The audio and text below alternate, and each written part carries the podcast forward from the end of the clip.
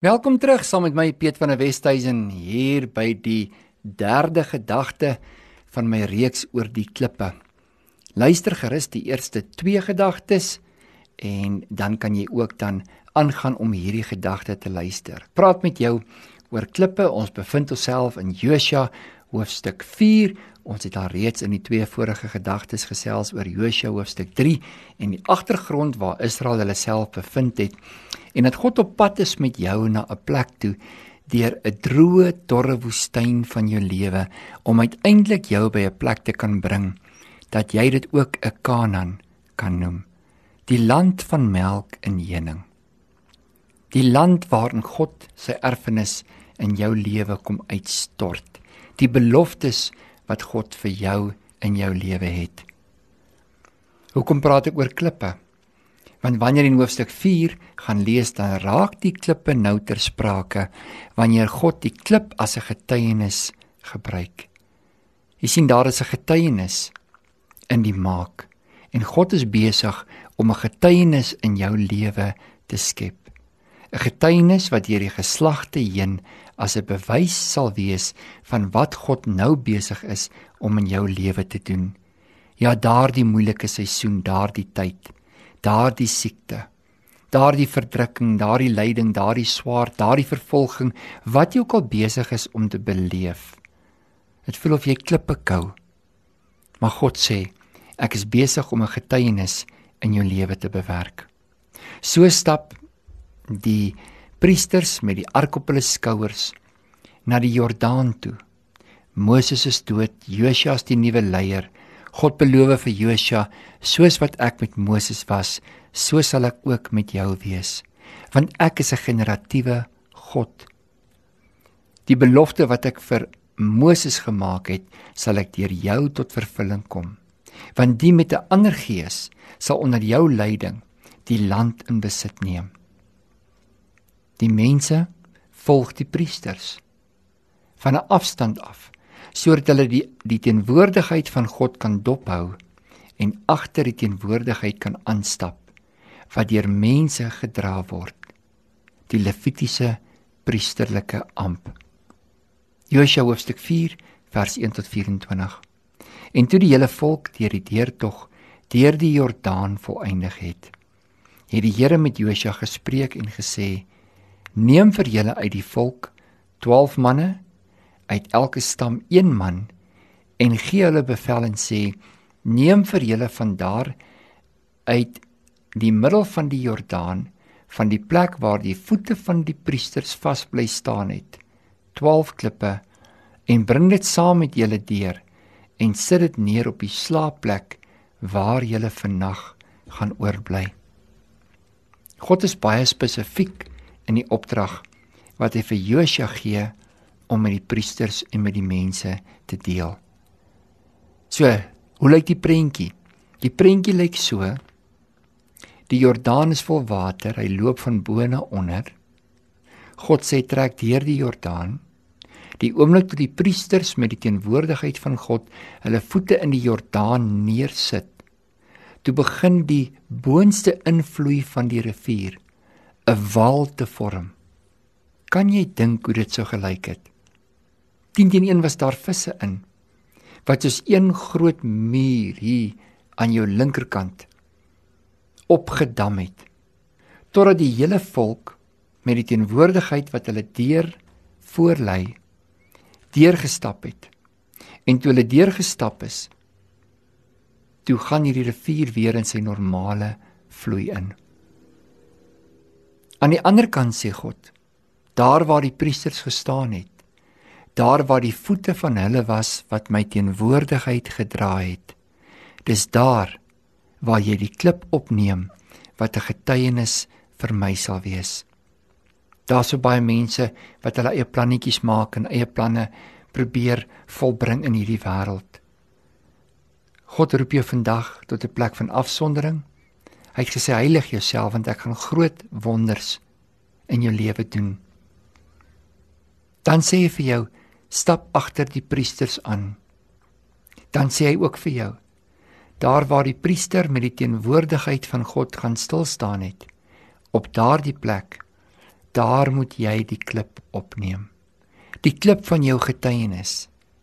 Die klip wat vir geslagte wat sal kom iets van my teenwoordigheid in jou lewe sal openbaar. 'n Dag en 'n plek en 'n tyd wat jy ook nie sal vergeet nie. Daardie dag toe ek jou verlos het, daardie dag toe ek jou bevry het, daardie dag toe ek gekom het en vir jou gesê het: Tel die klip nou op. In hierdie droë plek van oorwinning. Hier waar ek jou gebring het, tel nou die klip op. 12 manne het daardie opdrag gekry. En hulle moes dit neersit op die slaapplek waar hulle daardie nag sou gaan oorbly het. Toe het Josua die 12 manne geroep wat hy uit die kinders van Israel uit elke stam een man aangestel het en Josua het vir hulle gesê: "Trek uit voor die ark van die Here julle God tot binne in die Jordaan en tel vir julle 'n klip op, elke man een op sy skouer." volgens die getal van die stamme van die kinders van Israel sodat dit 'n teken onder julle kan wees. God soek 'n verteenwoordiger. Hy soek 'n verteenwoordiger in elke huis, elke stam, elke land. Elke kontingent van van wisselwerking in ons lewe. En hy sê vir hom: Tel die klip op. Wees jy die eerste een wat 'n getuie kan wees van hoe ek voor jou uittrek, die wonders wat ek in jou lewe doen, die reddende krag wat ek in jou lewe is. Dat ek die een is wat die bonatuurlike dinge in jou lewe doen. Ek het die waters soos 'n muur laat stil staan sodat jy op droë grond kan deurtrek. Dat jy nie oorkom word deur die waters van die lewe nie maar dat jy getuienis het in moeilike plekke van jou lewe hoe God vir jou die die uitkoms bewerk het, hoe hy die deurbraak in jou lewe nog elke keer was. En dan kom die vraag: Vat hierdie klippe. Onthou dat elke klip verteenwoordig iets in jou lewe. Onthou wat hierdie klip verteenwoordig. Daar's baie klippe wat jy al opgetel het in jou lewe. Net soos ek en my vrou Sonet op ons witbrood in my eerste gedagte wat ek met jou gedeel het, vir jou vertel het hoe ons van dorp na dorp klippies opgetel het ter herinnering van ons roete en ons pad na ons witbrood toe en terug. So kom sê God vir jou.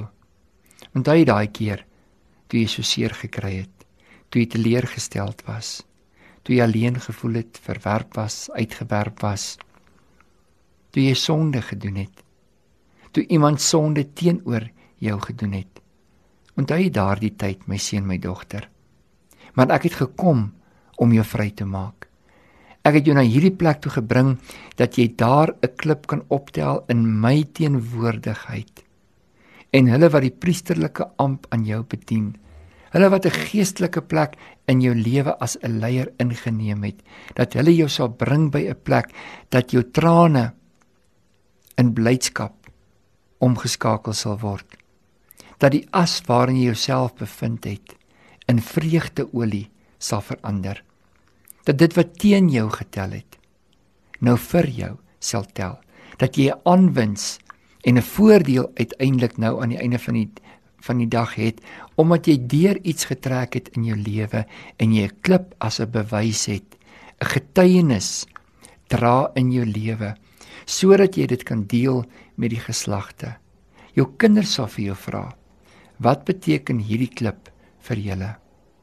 Dan moet jy vir hulle sê, omdat die water van die Jordaan afgekeer is voor die verbondsark van die Here by sy deurtog deur die Jordaan Die water van die Jordaan is afgekeer.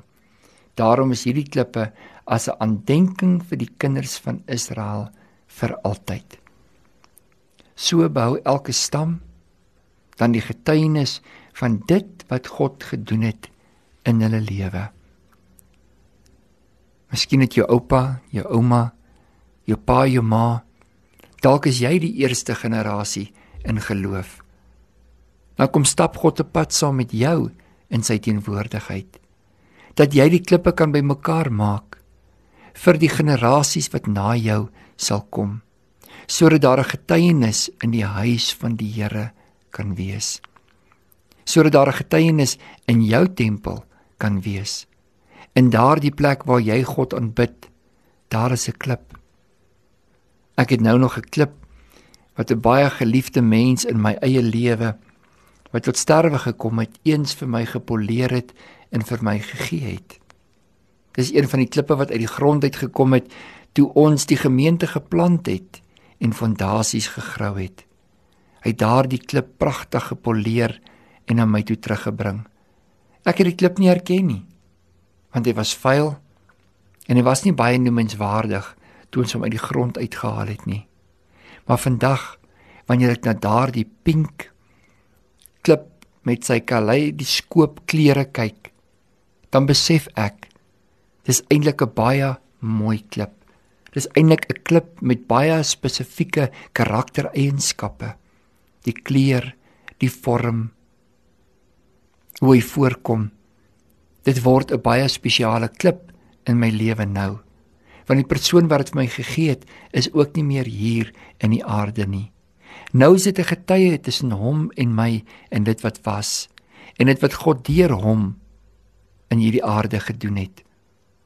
Daar's 'n klip in jou lewe. Miskien is dit die dood van 'n geliefde.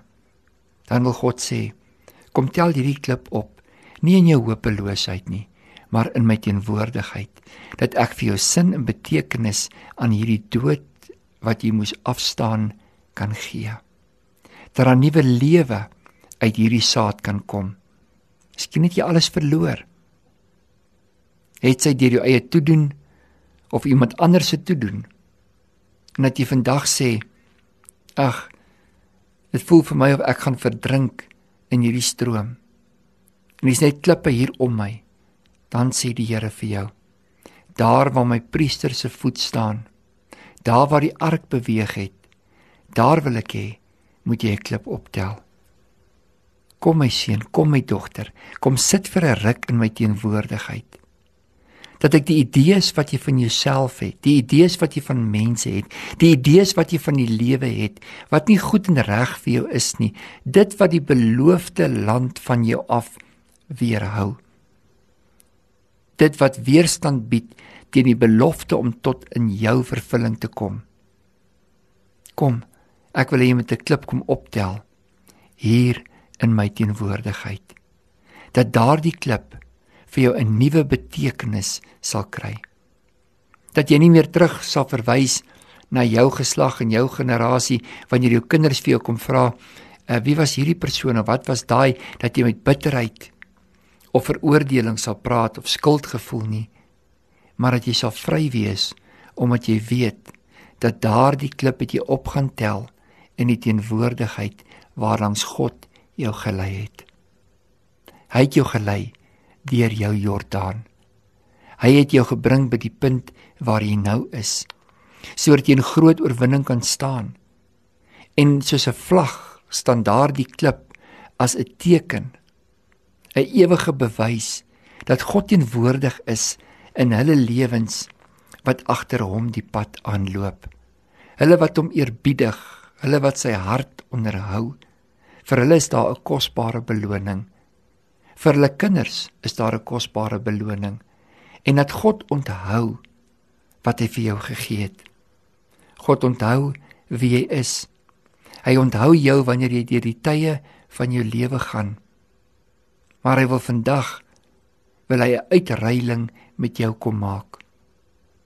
Sodat al daardie harde klippe kou tye vir jou 'n getuienis sal wees, 'n goeie getuienis van die teenwoordigheid en die getrouheid van die Here dat God elke keer nog 'n deurbraak in jou lewe bewerk het.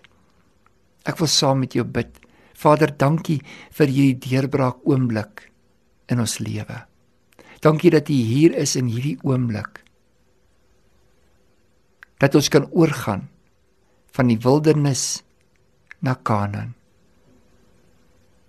Dat ons deur hierdie Jordaan nou stap die klip optel en kan sê loof die Here o my siel en vergeet geen een van sy weldade nie want hy is die Here ons God wat ons verlos in Jesus naam. Amen.